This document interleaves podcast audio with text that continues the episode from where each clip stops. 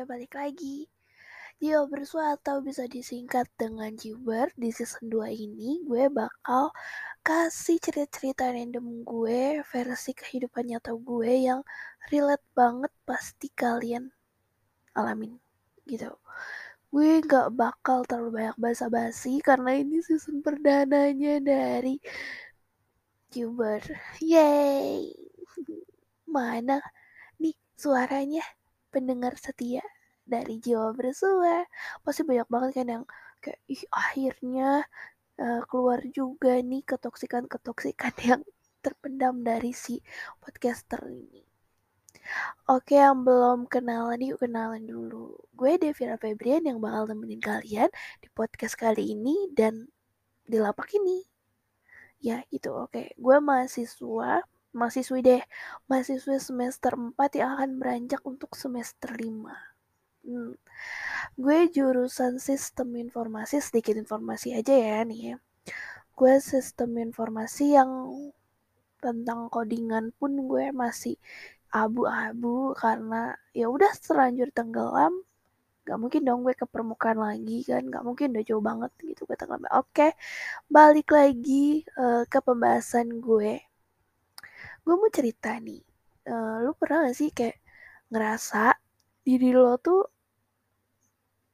pengen ngasih ngasih sesuatu ke orang lain? Kayak contohnya ya contohnya nih uh, gue lagi jalan. Misalnya gue lagi jalan terus gue naik mobil atau gue naik motor gitu. Gue ngeliat orang di lampu merah entah itu pengemis atau pengamen atau tukang jualan kan banyak banget ya kan. Terus tuh kayak bobo anaknya gitu kan. Gue bukannya niat nyinggung atau apa karena ini gue ngerasain banget. Gue pengen ngebantu mereka cuman gue nggak bisa ngasih lebih karena gue sendiri pun lu tau gak sih kalau anak-anak mahasiswa yang kalau jajan juga masih ya paling diambang nggak sampai lima puluh ribu dan itu juga kalau udah itu pakai ongkos ya kan. Gue suka naik ojol dan gue suka kayak ngobrol sama abang-abang ojol. Ini tuh kayak iya ternyata ada yang lebih sedih ya neng atau suka ada yang manggil lebih sedih ya mbak daripada kita gitu. Gue langsung kayak ngeluarin duit gue nih kan kalau yang namanya anak-anak pengamen kan banyak kan yang kecil-kecil ya suka banyak juga yang atraksi-atraksi gitu di lamer. Gue suka ngeluarin duit terus gue mikir tapi kalau gue ngeluarin duit ini nanti gue nggak bisa jajan dong atau gue nggak bisa nabung. Tapi seketika kalau gue lagi ngobrol gitu sama orang-orang yang ekonominya lebih rendah daripada gue keluarga gue gue kayak ngerasa ah gue nggak bisa nih mikir kayak gini dia pun belum tentu bisa jajan atau nabung kayak gue. Ya udah gue sisihkan lah.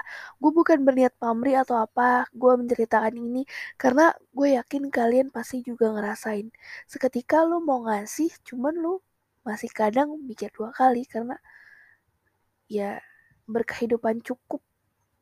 Itu ternyata ada yang di bawahnya dari cukup gitu loh. Jadi lu mau ngasih lu masih mikir lagi dan akhirnya labil lah kan. Dan tapi tetap pada akhirnya gue ngasih setiap gue kalau naik ojol kan gue ngepas segitu kan ya duitnya nggak selalu banyak nggak selalu berlimpah karena bisa dikategorikan keluarga gue cukup. Uh, tapi gue bersyukur banget gue selalu dikelilingi dengan orang-orang yang bisa ngerti apa arti dari cukup gitu apa arti dari bersyukur gue cuman kadang membandingkan kehidupan orang lain yang selalu bilang lu enak ya bla bla bla bla lu bisa beli ini bla bla bla bla. Tapi lu nggak tahu proses yang gue alamin tuh kayak gimana. Dan gue pun akhirnya membandingkan uh, yang tadi gue lihat kayak anak-anak kecil yang gue bilang pengamen atau dibawa sama ibunya ngemis dan ya atraksi-atraksi gitu. Bahkan abang ojolnya aja suka cerita tentang kehidupan dia keluarganya gimana dan ternyata gue lagi-lagi gue merasa bersyukur gue bisa dikategorikan dengan keluarga yang cukup. Tuh mungkin yang uh, teman-teman gue lihat atau ya orang lain lihat yang baru kenal gue kayak gue enak gitu gue bisa jajan ini itu. Cuma itu melalui proses. Sekali lagi prosesnya itu berbeda-beda. Nggak yang selalu full lu dapet wah gue terlihat jadi orang kaya. Wah gue terlihat jadi orang susah. Atau wah gue cukup aja nih gitu. Intinya sama-sama harus bersyukur dan menjalani proses itu. Karena ada orang yang selalu coba bandingkan diri dia kesusahan dianya aja gitu. Nggak pernah ngebandingin kebahagiaan yang yang dia dapat gitu. Gue gue makanya kayak ngerasa benci banget sama orang-orang yang deket sama gue tuh selalu bilang ya lu mah gampang dapetin uang lu mah gampang lah uh, bisa beli ini bisa beli itu. Kayak waktu itu gue pernah waktu gue sekolah nih gue cerita nih gue bukannya kayak ya gue cerita cerita santai aja lah ya. Uh, gue sekolah di uh, eh, SMK waktu itu gue SMK kelas 3 di situ gue udah mau ujian. Kan kalau SMK itu kan ujian ya ujian gitu sidang gitu. Dan di situ gue pas mau praktek laptop gue tuh rusak. Itu bener-bener cobaan yang bener-bener gue hadapin banget. Itu laptop gue rusak. Dan gue kayak ya numpang sama temen gue untuk ngerjain si tugas itu. Karena kan masing-masing ya. Di situ gue anak multimedia dan nggak bisa dong gue tanpa laptop.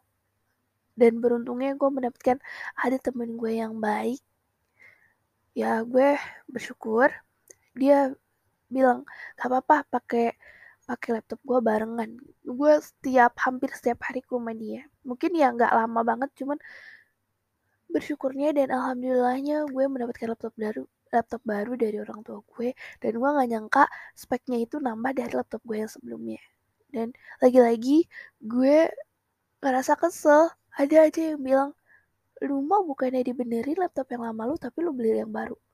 Gue mikir gini dong kalau misalnya memang harus diganti atau memang orang tua gue mau beliin yang baru ya nggak apa-apa. Gue juga kasih opsi ke mereka tapi itu tuh bener-bener kayak yang mepet banget gitu. Gue orangnya nggak nggak bisa jujur banget gue nggak bisa kayak yang mepet. Terus gue harus tunggu lagi. Dan ya ya lagi-lagi gue bersyukur aja mendapatkan keluarga yang cukup gitu jadi buat lo yang pernah bilang buat temen gue yang pernah bilang kayak lu tuh kurang ya kayaknya bersyukur itu lu nggak ngerti cara bersyukur orang tuh beda-beda. Sekali lagi coba menghargai prosesnya. Jangan lu lihat cuma hasilnya aja.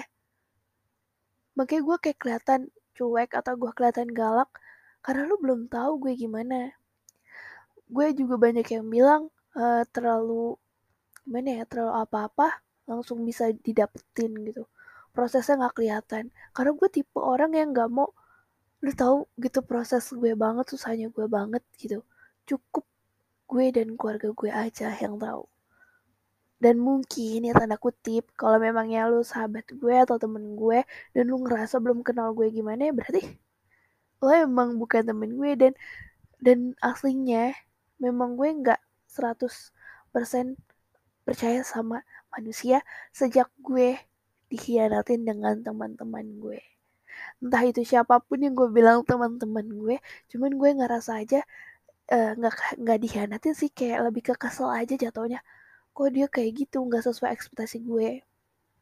Karena gue mencoba selalu uh, meng, gimana ya dia punya ekspektasi lebih ke gue. Gue mencoba untuk menjadi ekspektasinya dia cuman gue tidak ada feedbacknya dan lagi-lagi akhirnya gue mencoba untuk menjadi uh, diri diri gue sendiri terlepas dari uh, temen-temen gue terlepas dari orang-orang yang merasa katanya kenal sama gue tapi dia selalu menjudge gue di orang lain. Mungkin kita memang selalu jelek di cerita orang lain, tapi lo harus selalu bersyukur sekali lagi dengan proses yang lo jalanin sekarang. Mau itu sedihnya banyak, dan kalau syukur-syukur lo bisa ngehargain uh, kebahagiaan yang mungkin gak terlalu banyak kayak orang-orang dapetin. Cuman lu jangan membandingkan. Lu cukup hargai diri lo sendiri, jalanin. Mungkin keluh kesahnya itu selalu bisa diungkapkan dari nangis atau marah atau lo bisa ngurung diri tapi itu memang tidak boleh berlama-lama karena gue sendiri hobinya tuh nangis ya. Kalau gue kayak kecewa gitu kayak kesel gue nggak marah cuman gue nangis. Memang itu kelihatan kayak childish terlalu anak-anak untuk di usia gue yang sekarang udah jadi mahasiswi. Itu masih terbilang anak-anak ya whatever. Karena itu itu dia yang bisa ngebuat gue lebih kuat sampai sekarang. Jadi lo buka diri lo lihat orang lain yang bahkan bisa lebih baik hargain dirinya. Kayak orang-orang maaf ya orang-orang disabilitas aja tuh mampu buat ngasilin uangnya sendiri. Jadi tuh dia mereka tuh mungkin ada keluh kesahnya juga cuman mereka nggak ditunjukin.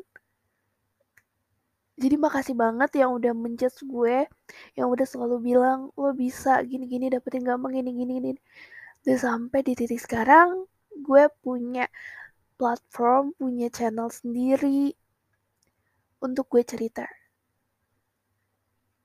Pokoknya ya intinya intinya nih lo harus lihat orang-orang yang lebih di bawah lo. Tapi bukan untuk membandingkan. Tapi lo harus lihat prosesnya mereka itu jauh lebih sulit. Bukan membandingkan tapi lihat. Rasain. Kalau misal lo lagi sedih lagi ngerasa kok gue stuck aja di sini sini aja? Gue nggak bisa kayak dia kayak dia. Kan lagi-lagi lo membandingkan diri lo sendiri tanpa lo tahu udah sekuat apa diri lo ngejalanin hidup. Gitu. Gue gue juga kayak pas gue bener-bener terlepas apa-apa gue sendiri ya gue nggak rasa oh mungkin nanti kalau misalnya gue bener-bener uh, sendirian gak punya temen orang nggak ada orang yang bisa gue hubungin selain keluarga gue ya ini gue cuma bergantung sama diri gue sendiri.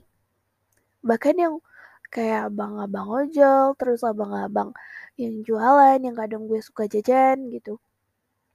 Ke tukang-tukang abang-abang cilok cimol or ya gitu gitulah gue ngerasa mereka perjuangannya emang beda-beda. Dan apalagi yang udah berkeluarga. Gitu nggak nggak nggak pantas deh lo ngebandingin diri lo sama kehidupan orang lain. Dan juga gue bener-bener sekali lagi merasa bersyukur udah dikasih diri sekuat ini. Yuk sekarang lo bisa menjadi diri lo sendiri dan selalu semangatin diri lo sendiri.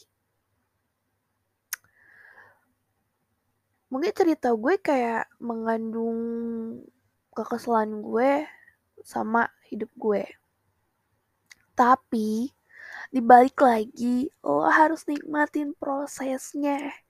Prosesnya bakal indah kalau emang lo bersyukur gitu aja.